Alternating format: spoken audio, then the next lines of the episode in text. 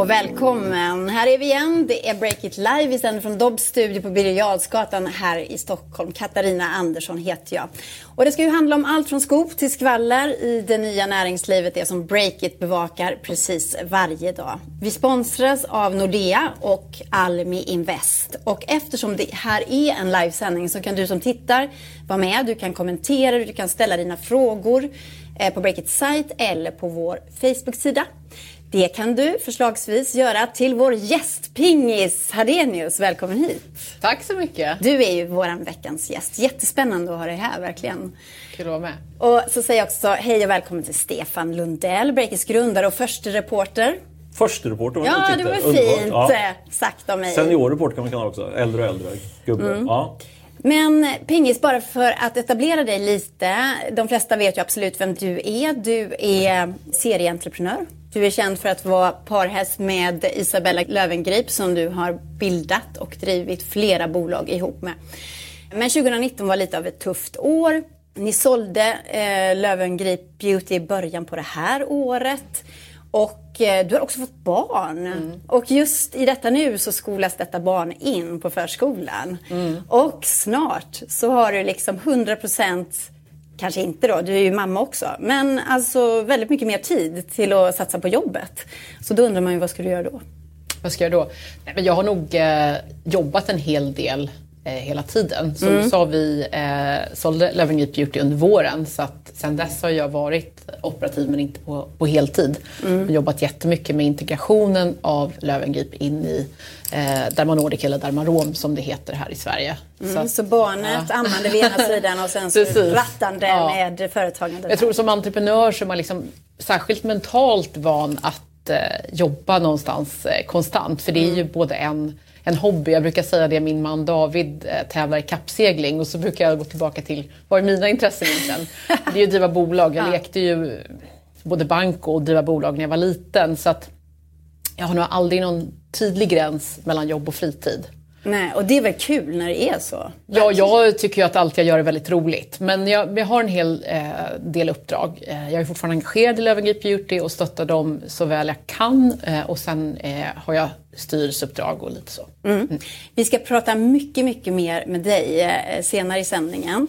Men nu så går vi till veckans ämnen och tar en titt på dem. Det ska handla om idag Klarna Sebastians twittrande. Varför twittrar den här Klarna-grundaren så mycket? Är han pressad eller bara uttråkad? Vi ska också prata om entreprenörernas svåra pandemival. Ska man gasa för fullt eller ska man tvärstanna och avvakta lite? Och sen då om Pingis Hadenius nya liv. Vad ska hon göra? Lite sådär post efter Lövengrip-eran. Ja, där har ni våra rubriker idag. Och eh, Stefan, du får börja. Mm. Vi ska ju prata om Klarna-grundaren Sebastian Siemiatkowski. Han är ju en av dina absoluta favoritentreprenörer, är det inte så? Jo, men jag har lite, jag kan säga, lite hatkärlek till honom. Jag har följt honom eh, länge. Han har faktiskt varit min mentor också vid ett tillfälle. Så det, jag har haft ganska mycket kontakt att göra med Sebastian. Alltså det där var en sån showstopper. Nu måste jag få veta, när var han din mentor? Nej, jag kan säga, man kan förenkla kan man säga att eh, Sebastian är orsaken till att jag sitter här. Han var med när jag körde något som hette Entreprenörsresan på Dagens Industri som sen mm. blev Breakit. Och då var han eh, coachade han mig. Och, Faktiskt så tror jag att eh, Klarna blev eh, Breakits första kund. Ganska, jag tror ganska omotiverat. Jag tror att eh, Sebastian hade lite att göra med det. Men det var en väldigt bra start för oss. De köpte lite mm. banners till besökare som inte fanns då kan man säga. Så jag har en del att tacka för Sebastian. Så ditt hjärta klappar lite extra varmt för den här entreprenören? Ja, jag gillar honom absolut. Ja. Men han har, det är ju en kille med starka åsikter. Och, som, det är därför jag menar det är lite mm. blandat. Liksom. Och jag, försöker ändå vara, jag försöker ändå hålla min journalistiska fana högt och bevaka honom också. Men absolut så har jag en lite annorlunda relation till honom. Du, den här spaningen ska ju handla om miljardärens allt mer frekventa twittrande. Hur skulle du beskriva det, Stefan, för den som inte är inne på Twitter hela tiden? Ja, inte jag heller. Faktum är att eh, Sebastian har nästan fått mig att återvända till, till, till Twitter. Jag mm. tog en rejäl paus där. Nej, men han har, och det gjorde han också, men, men nu här för någon månad sedan ungefär så, så om man tittar på hans Twitterflöde så har det knappt hänt någonting. Och sen så, eller sporadiskt kan man säga. Men sen, sen en månad tillbaka så är han ganska aktiv och han är ganska så, får man ändå säga, aggressiv. Han, mm. eh, om man ska dela upp liksom hans, hans olika fronter så, som han bedriver upp på Twitter så har man liksom en... en Vänta lite ja. bara med det. Okej. Okay. Ja, för först vill jag ju veta då varför det är så spännande att ta upp just en, en, en Klarna-grundarens twittrande? Varför gör vi en hel spaning på det? det ja, det kan, kan man ju verkligen fråga. Vi har inget, inget annat material att kasta fram. Nej, då, nej, nej, men absolut. Det är superintressant av flera skäl. Det ena är ju att eh, det är lite, lite unikt. Han driver ett bolag som är värt 50 miljarder. Eh, mm. det är väldigt få eh, chefer i den ställningen som, som är aktiva på Twitter. Och är de det så är det ganska så här, menlösa Twitter, Twitter de skickar ut. Eh, det är det ena. Det andra är ju att, liksom, att man kan ju fundera på eh, vad ligger bakom det här twittrandet då, som jag snart ska ge lite mer eh, substans kring. Är det, liksom, är det för att han är pressad i sin affärsverksamhet? Mm. Eller är det bara att han, du sa uttråkad, men man kan säga också att han är lite bara tycker att det är kul. Han kanske sitter hemma och jobbar som alla andra och man blir lite ha lite tid över och så, ja, ja. så få lite feeling och börja twittra. Ja, så kan, ja. Det, vara. så kan det vara. Det här med att, att uttrycka sig i sociala medier, eller på sin egen blogg då, Pingis. Du har ju jobbat länge ihop med Lövengrip som var en mästare på det där och skapa mm. bass i sociala medier och på sin blogg. Vad finns det för fördelar med att som företagare vara så här öppen och tala om vad man tycker och tänker hela tiden? Ja, så idag så i, med sociala medier så gillar ju de flesta, och det är det som sociala medier finns till för, det här med transparens. Mm. Så det, den är ju jätte, jätteviktig. Sen är det kanske frågan hur mycket tid eh, man ska lägga på det här som VD eh, och hur liksom förankrat det är hos ägare och styrelse. Det vet mm. inte jag i det här fallet. Men... Hade du och Isabella några diskussioner om det, hur mycket tid hon la? Ja men det var ju hennes eh, upp, liksom, solklart uppgift. viktiga uppgift och det är ju det hon är gjord av, liksom, digital kommunikation. Eh, så det är ju hennes naturliga roll, absolut. Mm. Eh, men det handlar ju också om att jag brukar säga att den moderna marknadschefer idag måste kunna och förstå kommunikation. Att det är ju en dialog på sociala medier och då handlar det också om att hur man kan hantera den mm. och att det kan bli tufft där ute och hur man då klarar av att hantera det. Det är ju inte alltid en, en eh, solresa så att säga. Det är ju upp och ner hela tiden. Så det handlar ju också om hur man på ett snyggt sätt kan bemöta mm. det hela tiden. Och då vad man väljer att prata om så att mm. säga. Så tillbaka till Sebastian då, Stefan. Mm. Vilka teman är det vi ser när det gäller Klarna grundarens twittrande. Ja, men han började ju svinga mot, det var då jag första gången jag uppmärksammade det här, det var att han började svinga mot media. Och hur vi i media har uh, varit alldeles för snälla mot Amazon inför deras lansering. Han tyckte det var en, i princip en reklamkampanj som han skrev om. Så det är liksom media svingar han mot. Mm. Sen ser man att han svingar mot vissa utvalda politiker. Per Bolund, som det har kommit en ny lagstiftning kring hur hur mycket man får pusha upp eh, erbjudandet och betala via Klarna eller andra eh, utav den här typen. Ja, det här med att betala via faktura får inte stå överst. Exakt, så är det. Mm. Precis. Eh, det gillar inte Sebastian, för det är ju dåligt för hans affär. Så det har han svingat lite grann mot. Eh, och sen så går han, eh, han såg också nu sist att han var på Paypal eh, och lite grann hånade dem. Eh, det är ju en av de stora konkurrenterna för, mm. för Klarna. Eh, Paypal har ju förut försökt köpa Klarna också tidigare. Så där tror jag det kan vara lite så här, lilla hornet i sidan från Sebastian. Där. Men använder han den här plattformen då för att slå mot konkurrenter och de som är emot honom? Är det det intrycket man får? Ja, uppenbarligen är det ju så. Mm. Att, eh, I och med att han, han lägger ut texten också i tweetsen så man får liksom ändå en del substans i hans kritik. Kan man säga. Mm. Och ett tema då i hans twittrande på senaste tiden det har ju varit eh, skuldsättning. Mm. Och eh, han förutspår en krasch när det gäller blankolån. Och i en tweet i veckan så skrev han så här. Blankolån, inte e-handel, är den stora lånebubblan i Sverige. Och med det menar han ju att e-handel, det tillhör ju honom och hans fakturor. Blankolån, det sysslar inte Klarna med. Och så slår han ganska hårt mot blankolånsbranschen och mm. de aktörerna där och menar att eh, boven är dramat är inte vi som jobbar med e-handel och e-handelsbetalningar och så. Så Stefan, har han rätt här? Alltså, det här är något han påstår rakt ut. Ja, precis. Lite Både, faktagranskning Lite politikersvar då. Både ja och nej. Men alltså, till viss del har han rätt. Alltså, de här blankoföretagen, de är ju, är ju liksom på något sätt större bovar kanske i dramat än, än e-handlarna. Men e-handlarna med hjälp av Klarna, de driver ju fram det här beteendet att man ska köpa på eh, avbetalning. Mm. Eh, och då börjar man köpa på avbetalning så är man ju på väg i... Nej, det är man, men liksom, det finns en risk att man hamnar i, i blankolånsfällan eh, på sikt. Liksom. Så att, för att man tar blankolån för att betala man får- sina man får- man liksom- e-handelsfakturor. Ja men precis. Eh, så jag skulle säga att, och jag menar Klarna tjänar ju pengar på, alla här pengarna måste vara ärliga, tjänar nu på, på avbetalning liksom. Så det är ju det är det jag menar, de sitter lite grann i samma båt som, Mm. som bankföretagen också. Så eh, delvis rätt kan man väl säga. Men, Och jag tror att det handlar om att eh, Klarna är ju så ett starkt och, och eh, tydligt varumärke i Sverige. Så det är väldigt lätt att lyfta upp dem då som the bad guy när man gör den typen av granskningar. Då. Och det tycker säkert Sebastian på sin kammare att det är orättvist. Och titta på de här också då. Eller som här de har lyft fram Qliro också som är en konkurrent till Klarna. Då slår han ifrån sig liksom. Ja, Försvarar sig kan man säga. precis. Men det här med privatekonomi, handla på faktura pingis. Eh, du har ju också i ditt stall av, av uppgifter och sånt som du sysslar med så driver du en Facebookgrupp för ekonomiintresserade kvinnor. Eh, är det en diskussion som pågår där, det här med fakturaköp och skuldsättning och så? Jag kan säga eh, den Facebookgruppen Ekonomista, det är ju 140 000 kvinnor så att det är ju eh, en av Sveriges största eh, Facebookgrupper. Så det är klart att det är väldigt spritt diskussionerna. Men de vanligaste diskussionerna kring lån är ju kring bolån och väldigt mycket hur man ska förhandla med banken. Eh, Men det här med fakturor då och e-handel, är det någonting som Nej, inte riktigt lika mycket. Men däremot så är, självklart så är ju blankolån eh, ett, ett stort problem. Och det är väl också det om man också bara tittar på effekterna av pandemin som fortgår Mm. i samhället. Så ser vi ju tyvärr att de som redan har det bra får det bättre, som kanske äger tillgångar, både om det gäller på börsen eller fastigheter eller andra tillgångar som växer i värde. Och de som redan har det dåligt får det sämre. Så att eh, vi ser ju klyftorna i samhället ökar. Så jag tror att det här är ämnen som kommer att komma upp mer i diskussionen. Och det är klart, vad gör man idag om man förlorar jobbet? Eh, då kanske blankolån är enda vägen, även om det inte är en hållbar lösning eller om det är avbetalningar på e-handeln. Eh, vi vet ju inte liksom, de långsiktiga effekterna av det som händer i samhället just nu.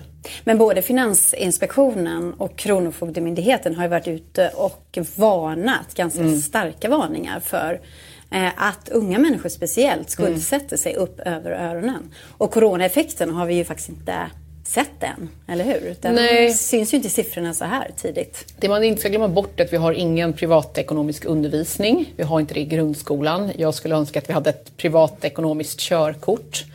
Sen kanske det är banalt, men det är ju också någonstans så att dagens ungdomar, hur ska man lära sig förstå hur mycket liksom, en krona är? Eh, när man bara så att säga kan dra kortet eller man har en, en app som sköter alla betalningar, det är svårt att kanske lära sig pengars värde, hur man undervisar och lär sig det pedagogiskt och förstå det. Så Det där har vi en, en utmaning eh, hur vi ska lära och, och, och vad är lånade pengar. Och sen har vi också en spelindustri som boomar och det kan vara lätt att också, eh, vi pratar om e-handel, vi pratar om blankolån, då skulle jag också vilja slå ett slag för hur mycket pengar man kan förlora eh, på spel. Och, och det är väl sådana saker som också dyker upp. Eh, föräldrar som har varit med om att barnen då spelar bort pengar på spel. Mm, utan att de vet om det. Jag brukar gå och vifta till min son som handlar eh, på nätet också med de här, eh, med de här påminnelserna och säga nu är det inkasso här alltså. Nu får du betala, du får en prick. Alltså, jag tror inte att han vet hur mycket det kan ställa till med lite längre fram. Så det där är ju jätteviktigt. Svindyrt också. Ja, Mm. svindyrt blir det. Exakt. Men du, eh, tillbaka till Sebastians twittrande då, Stefan. På det stora hela, alltså tycker du överlag att det är bra att Klarna-grundaren twittrar ut sina åsikter? Så vi knyter ihop säcken. Ja men precis. Nej, men som journalist så tycker jag det är jättebra. Eh, vi skriver om det. Vi Dina får, källor. vi, får massa, vi får massa trafik på det. Det är kul, man kan sitta och prata om det här. Och, och man får också i transparens, man vet liksom var, var Sebastian står någonstans i olika frågor. Mm. Det tycker jag är jättebra, så det, det gillar jag. Men däremot om jag till äventyrs då skulle vara investerare i Klarna så tror jag att det inte är så bra. Liksom, för, och, om du jobbar på Klarna. För man kan ju tänka liksom, vad är det för signaler det internt man sänder ut? När man, det blir liksom lite, lite svajigt så. Eh, och jag har snackat nu inför det här, det här, att vi sitter och snackar om det här, så har jag pratat med lite folk som jobbar inom, inne på Klarna och de är väldigt så tydliga med att det där är hans grej. Vi vet inte alls varför han kör det där liksom. Eh, så det känns ju inte heller jättepositivt. Så det är väl eh, som journalist toppen, men som potentiell investerare så är det botten kan man säga. Intressant. Bra slutsats där, Stefan. Och eh, vi ska strax vidare och prata om coronaeffekten med vår sponsor Nordea och med vår alldeles egen VD Camilla Björkman. Kommer hon att gasa sig igenom den här krisen eller kommer hon sitta tillbaka, ta det lite lugnt och försiktigt? Och hur ska andra entreprenörer i hennes sits agera? Men först så ska vi till vår reporter Tobias Blixt här utanför. Han ska berätta om en annan nygammal spännande satsning som Breakit drar igång just idag faktiskt. Det är alltså den eh, tredje upplagan av Breakit Impact Challenge vi kör nu. Vi körde två stycken 2019. Eh, ingen i år för att coronakrisen kom i vägen, men nu så är det dags igen för klimatkrisen är riktig. Klimatet kan inte vänta. Vi vill hjälpa alla Sveriges företag och entreprenörer att ta sig an den här utmaningen och det kan man då göra med Impact Challenge som är en digital utmaning i, som är helt gratis. Det är fem steg som gör ert företag lite klimatsmartare helt enkelt. Det går ut på att man ser över sina egna resor, man kollar över hur man har det på kontoret, vad finns det för klimatbovar där? Man ser över sin egen affärsmodell, ser till att den är hållbar och klimatsmart och man kollar till och med över sina leverantörer. Hur, hur, bra, är den, hur bra är de egentligen liksom, och finns det något man kan förändra där? Eh, så surfa in på breakit.se. Eh, där finns det en artikel om eh, Impact Challenge. Det finns en länk till själva eventet där. Ni kan också gå in på Breakits Instagram, breakit-se på Instagram och hitta en länk i vår profil där. Jag tycker verkligen att alla nu, både ni som aldrig har varit med i den här utmaningen och ni som har varit med i utmaningen innan, ska passa på att gå in, kolla igenom utmaningen, se om ni vill anmäla er. Det tycker jag verkligen att ni ska göra. Det blir superspännande. Och så lämnar vi över till Katt igen, in i studion. Tack så mycket för det Tobias. Eh, Break It Impact Challenge alltså. Och nu så har vi bytt gäster här i studion. Pingis Arrhenius, hon kommer tillbaka i slutet av programmet och då tycker jag att du ska gå in, alltså antingen på Breakits sajt eller på Breakits Facebook-sida. Ställ dina frågor till henne. Hon är en oerhört spännande person som har jobbat med Isabella Löwengrip i många år. Drivit många spännande bolag. Så luften är fri. Ställ vilka frågor du vill till henne. Och nu så vänder jag mig till mina nya gäster. Hej och välkommen Axel Bruselius. Tack så mycket. Du är startup och growth-chef hos vår sponsor Nordea. Stämmer. Och eh, hej också Camilla Björkman, vår egen VD. Kul att hej. du kan vara med. Ja, men tack ja. för att jag får vara med. Skära ut lite tid ut, ur ditt busy schema ja. för vår sändning. eh, det här är alltså ett inslag som vi gör tillsammans med er på Nordea, det ska man veta. Eh, ni backar också vår sändning Break It Live, det är vi glada för. Men först då Axel, vad gör en growth-chef, en startup och growth-chef på en bank? Snyggt. Vi har egentligen byggt upp en bank i banken kan man säga för snabbväxande techbolag. Alltså den typen av bolag som ni gillar att bevaka. Mm. Och försöka göra riktigt bra banktjänster åt dem. Vadå? Varför måste de ha en bank i banken? De Jät bolagen? Jättebra fråga. Det, vi märkte väl att det är ett lite missförstått segment hos banker och andra aktörer. skulle jag säga. Det är ju bolag som har väldigt mycket av sin potential framför sig. Mm. Kanske ibland inte så mycket omsättning här och nu. Men fortfarande ska man bli global dag ett, man har stora planer så man behöver ganska mycket service här och nu. Och då ser vi att en specialisering på det ger väldigt mycket för bolagen. Mm. Är det det du säger, att de här bolagen kanske är lite missförstådda eller inte riktigt tagna på allvar? Camilla, känner du igen det när du, när du liksom har med banken att göra? Eh, jag kan tänka mig det. Sen är jag nog ett dåligt exempel för jag, jag känner mig alltid som Eh, Brottslingen? Här, nej, nej, tvärtom. Att jag liksom inte eh, hör av mig så konstiga frågor och, och känner ingen koll på massa grejer som jag borde ha koll på kring banken. Och, ah, jag, vet, jag är bara tacksam att någon hjälper mig. ja. Okej, vi ska till ämnet, det ja. som vi är här för att snacka om. För vi har ju levt med corona nu i snart åtta månader och det har varit en enorm eh, utmaning för, eh, för svenskt näringsliv på, på det stora, på det hela.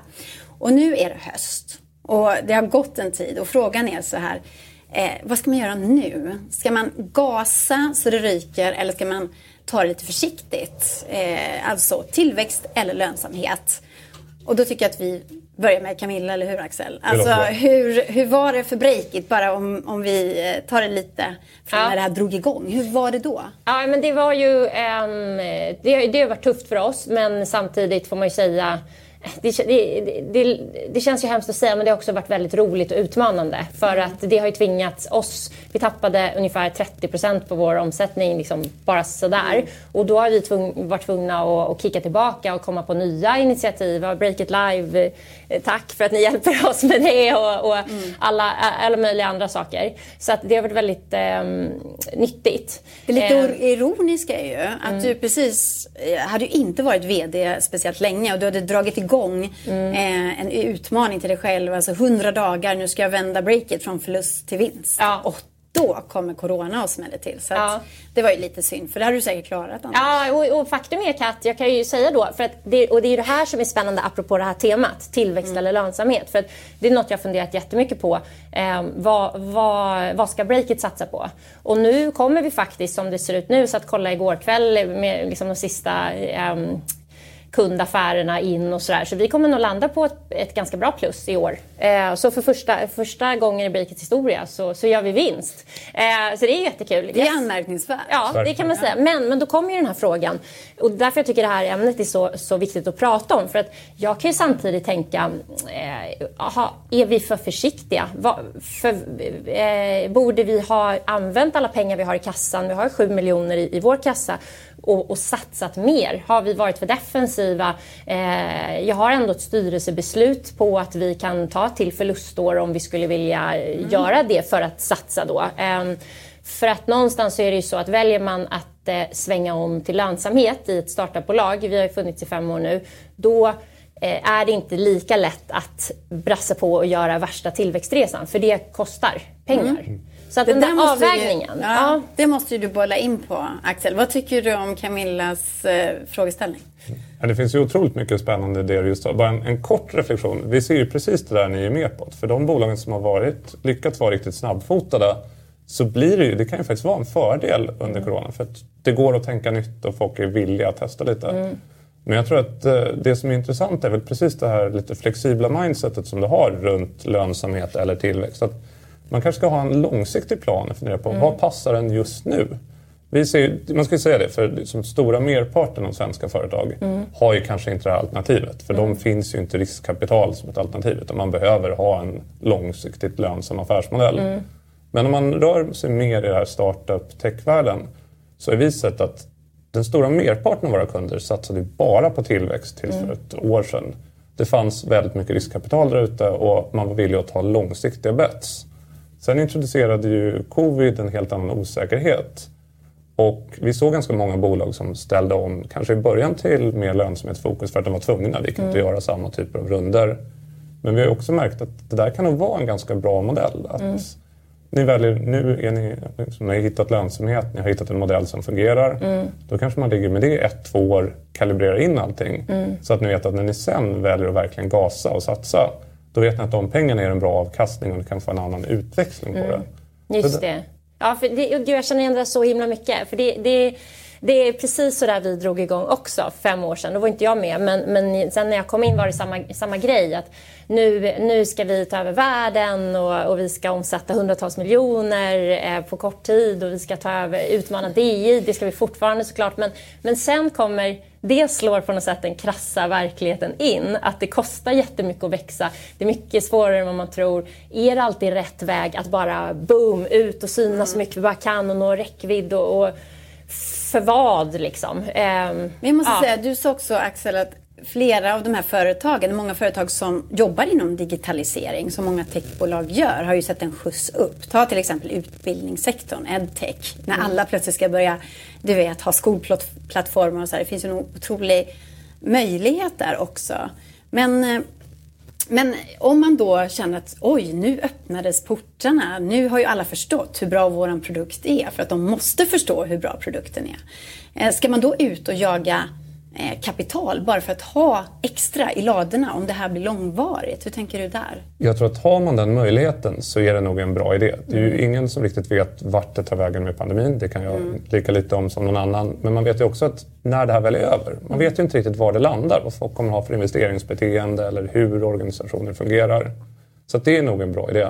Mm. Ska man hålla koll på vad hela den här pandemin är på väg för att ha koll på sitt eget företags utveckling? Jag tänker, ska man kolla på vaccinprogram och sådär och sitta och hårdbevaka dem för att se när kommer vaccinet och sådär? Eller hur tänker du kring det? Vi, från bankens sida, för vi försöker också låna ut ganska mycket pengar till bolag i den här sektorn. Mm. Vi har ju inte ett sånt tänk, utan vi behöver ju se att vi kan få tillbaka pengar även om det går sämre än bolagen har väntat. Mm. Så att vi utgår lite från ett worst case scenario. Då ska man se att ens modell flyger även om det håller i sig i flera år. Men sen tror jag absolut att man behöver jobba med lite olika alternativ. Man behöver vara redo för om det här nu lossnar, om våra kunder flödar tillbaka, om man kanske har en mer fysisk business. Mm. Vad gör vi då? När trycker vi på knappen och börjar marknadsföra oss? När mm. bygger vi ut och så vidare. Mm. Man behöver nog vara lite mer flexibel helt enkelt. Så svarar du egentligen på frågan om, eh, om du ska gasa eller ta det lite lugnt nu? Alltså grejen är, gud, vi, vi, tar det verkligen inte lugnt. Det är, liksom, det är, inte, det är inte lugnt på Breakit. Eh, utan det, att, att bygga ett lönsamt företag och, och, göra vinst på sista raden är nog det svåraste som finns. Ärligt talat, det, jag tycker att det är lättare. Det hade varit lättare att bara in med massa kapital och ut, anställa massa folk och, och väx, väx, väx. Eh, för då har man då behöver man inte bevisa den där äh, vinstkronan lika mycket. Så ja, svaret är nog att jag tror så här, för breaket är det rätt väg att gå nu för att, att, att jobba mot lönsamhet snarare än att få igång den här hockeystick-tillväxten. Mm. För att vi visar att vi är ett, liksom ett hållbart bolag som kan jobba framåt och har hittat vår grej. Eh, men jag, jag, tar verkligen med mig det här du säger att sen kanske med en långsiktig plan om några år när vi känner nu kan vi få den här hockeyklubban som man pratar om, då kan vi eh, pressa på. Mm. Och då kanske vi får ta några förlustår. Mm. Mm. Ja. Sen märker man också bolag med ert DNA som kommer från en startup-värld, extern finansiering. Mm. Plötsligt när ni då hittar lönsamhet så öppnar sig en ny lite mellanväg där man mm. förmodligen kan låna till att investera en del i tillväxt. Ja och slipper späda ut sig som ägare och grundare. Och så. Ja, det är faktiskt en käpphäst för mig. Jag tycker allt för många tar in riskkapital. De borde kolla på andra vägar. Många är nog lite rädda för att gå för att själva låna och liksom sätta sig i den sitsen. Det är lättare att få in eh, kapital från riskkapitalister för att du tar inte själv samma risk. Det får bli sista ordet. Jag är ja. ledsen Axel, vi måste gå vidare i Vi får gärna komma tillbaka snart igen och ja, prata mer. Ja, det måste vi göra. Vi får prata vidare, ja. du och jag. Stort tack. Ja, tack så tack mycket, så mycket Camilla Björkman. Tack så mycket Axel eh, Bruzelius från Nordea. Hej och välkommen tillbaka Pingis och Renius. Du, nu ska du få svara på en massa tittarfrågor. Mm, vad spännande. Mm, hur känns det? Ja, men roligt. men innan det så vill jag ställa mm. några frågor också. Du har ju alltså varit Isabella Lövengrips parhäst. Eh, tillsammans ligger ni bakom många, eh, flera bolag. Och förra året var ju ett minst sagt händelserikt år och lite tufft. Du lämnade flera av bolagen som ni tillsammans har byggt upp. Det var skriverier om dåliga arbetsförhållanden på Lövengrip Beauty och under hösten så var ju Isabella Lövengrip öppen med att hon hade bränt ut sig eh, och inte orkade göra så mycket.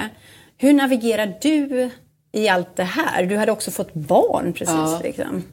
Jo, men alltså det är ju så här som med entreprenörskap och, och driva bolag, det går upp och ner hela tiden. Och det måste man ju vara extremt medveten om när man ger sig in i att driva företag. Det är inte en dans på rosor. Ehm, det som har varit roligt med Löwengrip i alla år är ju liksom att vi har haft en fantastisk eh, tillväxt och vi har varit lönsamma. Mm. Och vi har flera av medarbetarna startat eget och så vidare. Eh, sen får man inte heller glömma bort att eh, det varit väldigt roligt att skriva med oss som bolag. Eh, Isabella är en, en av Sveriges mest kända personer. Så man vill jättegärna kommentera och tycka mm. om henne hela, hela tiden. Och det har ibland varit jättepositivt och ibland jättetufft. Liksom. Så det, det har varit en värld man har varit van vid i alla år. Mm. Det måste vara svårt att navigera i just den biten med medier som man har så svårt för att kontrollera många gånger. Ja, så det som jag tror man kanske glömde bort ibland var att Isabella har ju alltid haft sitt egna mediebolag, Lövengrip mm. Invest. Eh, och sen finns det ett Lövengrip Beauty.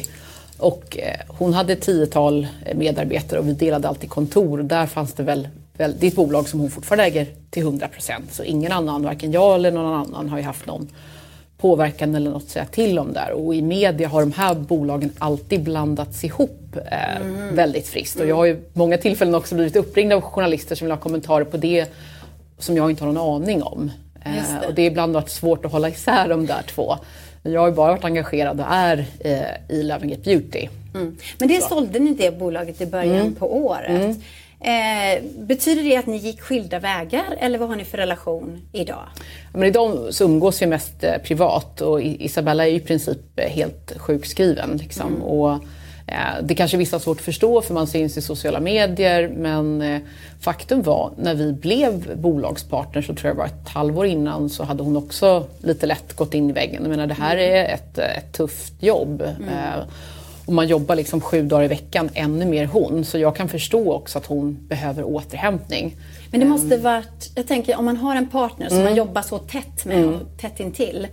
Eh, och verksamheten såklart och allt ni gör bygger ju på att ni har energi och kommer framåt båda två. Hur är det då när man känner att ens partner tappar? Ja, men det är det, man måste ju stötta varandra i vått och torrt. Liksom. Och, och vi har ju alltid funkat så att vi har en rak och öppen dialog om allting. Så det är klart att man får stötta mer. Men sen får man inte glömma bort att vi var ingen two-man show. Vi hade ett stort fantastiskt team bakom oss och hade alltid det. Och det är väldigt lätt och kanske ännu mer medialt att man, man ser och tror att Isabella gör allting. Vi var ju uppemot 30 medarbetare under en period. Um, och sen har vi gått in i en större koncern nu. Så att, eh, det kanske ibland lite felspegling på, på verkligheten. Det så. var inte ju- bara du och Isabella, Nej, det var ett helt inte. gäng bakom er. Självklart. Eh, men idag så äger ni i alla Mm. fall eh, tillsammans ett bolag, Flatter, ni säljer skor. Och du sitter också med i ett bolag som säljer CBD-olja. Och det här är lite Mm. roligt för förra veckan så satt eh, Kry-grundaren Josefin Langgård Mm. här i din stol och berättade om sitt bolag Mantle Mm. som försöker sälja de här oljorna men Läkemedelsverket går inte med på det så att säljstopp för det. Mm. Nu vet jag att du också är inne på den här CBD-oljan då som är en kusin till THC som man blir hög av eh, när man röker marijuana. Det här CBD eh, och ni entreprenörskvinnor, att ni gillar det här, varför? Eh, nej, men jag tror också det där kan vara en lätt förväxlingsfråga. Den CBD vi pratar om är ju fri från, från THC. Absolut, så men att, eh, eh, det är väl därför den blir ja. kontroversiell i Sverige. Precis, precis. Nej, men det, är en, det är en ny spännande marknad och eh, jag sitter som styrelseordförande i ett bolag som heter Hemply Balance eh, som har funnits i flera år. Då. Eh, så det är ett av, ett av mina styrelseuppdrag helt enkelt. Men varför tror du på den här produkten? Jag har väl testat det själv. Eh, Jag har två syskon som är läkare som har vurmat väldigt mycket för det här som en, en positiv hälsoingrediens som då i- inte har visat ha några liksom, negativa effekter.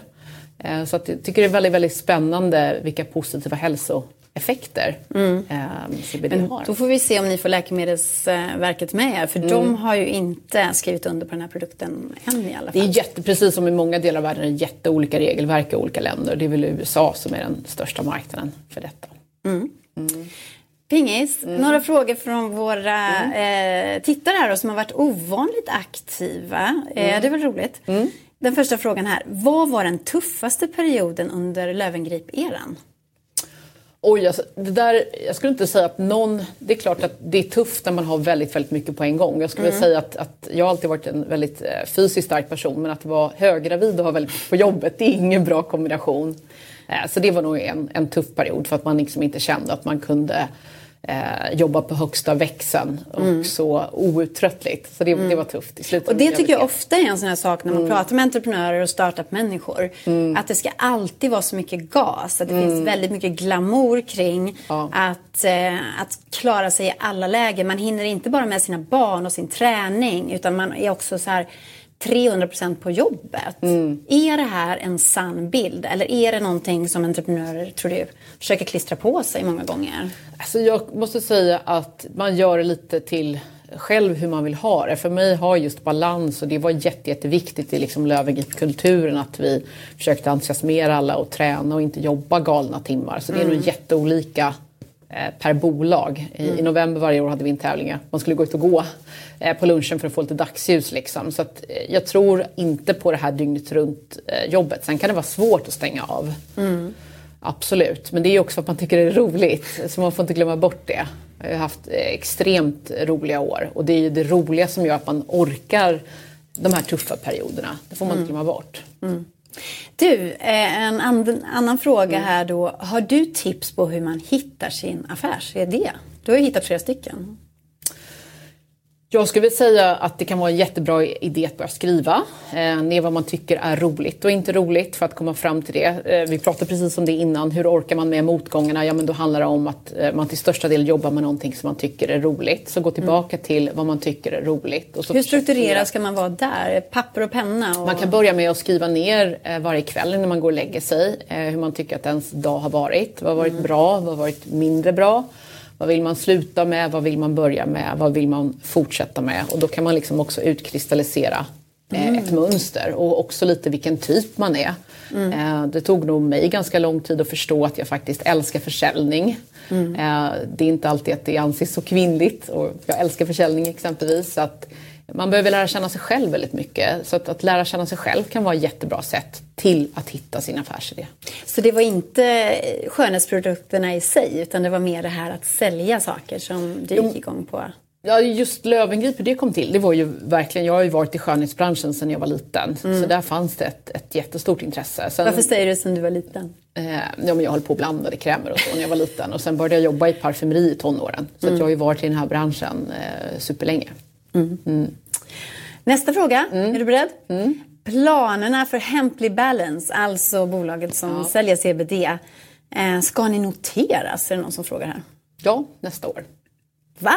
Mm. Är det sant? Mm. Okej. Okay. Hur går ni tillväga då, då för att allting ska se fint ut när den här noteringen ska till? Eh, det här handlar ju väldigt mycket om legala saker, det är ordning och reda i, i bolaget. Eh, så, så, den förberedelsen är redan gjord. Mm. Mm. Men eh, nästa år säger du. Mm. Pratar vi tidigt nästa år eller sent nästa år? Alltså notering, så gör vi i princip alla bolag. Att ganska nära inpå så matchar man lite mot hur, marknad, liksom hur marknaden mår. Om mm. det är ett bra eller dåligt läge. Eh, och det har man ju märkt på väldigt många extremt stora noteringar också. Att ibland går det fort och ibland så drar någon i bromsen lite beroende på hur marknadsklimatet är. Mm. Eh, men plan, planen är nog eh, under första halvåret. Mm. Och vi ser Spännande! Pingis mm. Hadenius, stjärnentreprenör. Jätteroligt att du kom hit och, mm. och berättade och var med under Break It Live. Och där måste vi alltså sätta punkt för den här sändningen. Vi ska tacka, vi ska tacka Nordea och Almi, ska jag säga. Eh, Nordea och Almi Invest som backar vårt program. Och du kan alltså se oss igen nästa torsdag 13.30 kör vi igång. Tack så mycket. Hej då!